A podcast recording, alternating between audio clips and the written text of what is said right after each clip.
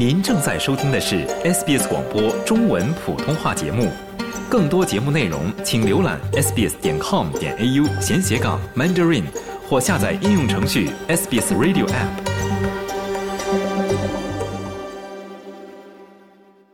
与年长的群体相比，年轻的澳大利亚人正经历着更高的心理困扰和更多的孤独感。这是墨尔本大学的一项研究得出的结论。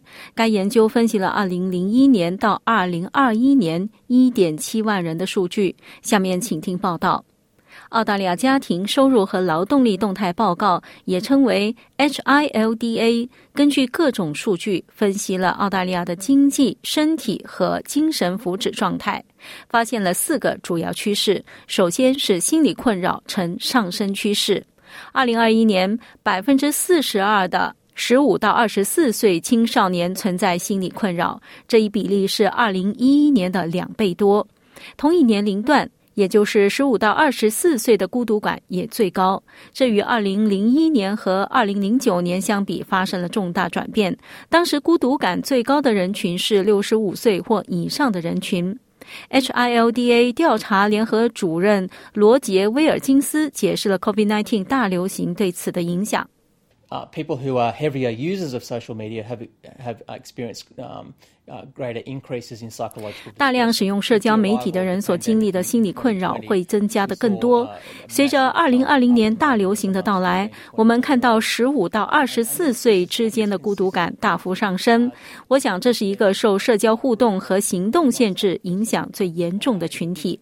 与澳大利亚非原住民和移民相比，原住民的平均孤独感得分更高。婚姻也呈下降趋势。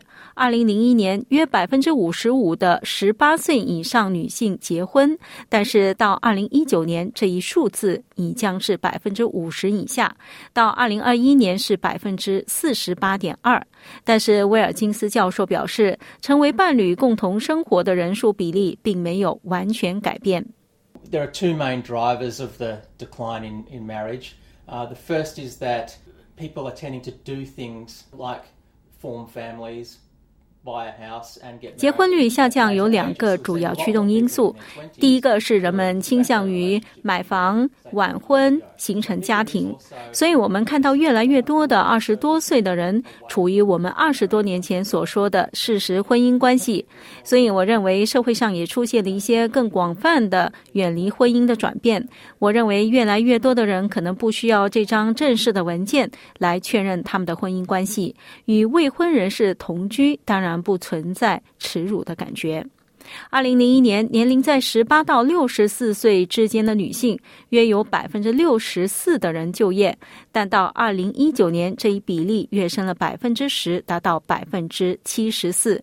女性在劳动力中的比例从二零零一年的百分之六十四点三上升到二零一九年的百分之七十四点一，增长了约百分之十。威尔金斯教授解释道。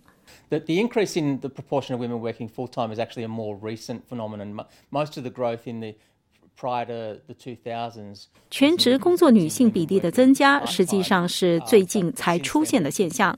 两千年代之前，大部分增长来自从事兼职工作的女性，但从那时起，我们就看到女性兼职和全职就业人数都在增长。因此，直到二零一六年，性别工资差距基本上没有任何进展。但是从那时候起，我们看到性别工资差距大幅缩小。因此，二零一六年。女性全职员工的收入约为男性全职员工的百分之七十八，最新的数据是高达百分之八十六。该调查首次收集了有关电子烟的信息，十五岁以上的人中有百分之十四点一尝试过电子烟。为了解决这个问题，新的政府法规今年生效，旨在限制电子烟的使用。想在 SBS 当一回影评人吗？SBS On Demand 正在推送配有中文字幕的热门影视作品，您只需观看一部或以上影视作品，并把影评观后感发给我们，就有机会赢得一份 SBS 精美礼品。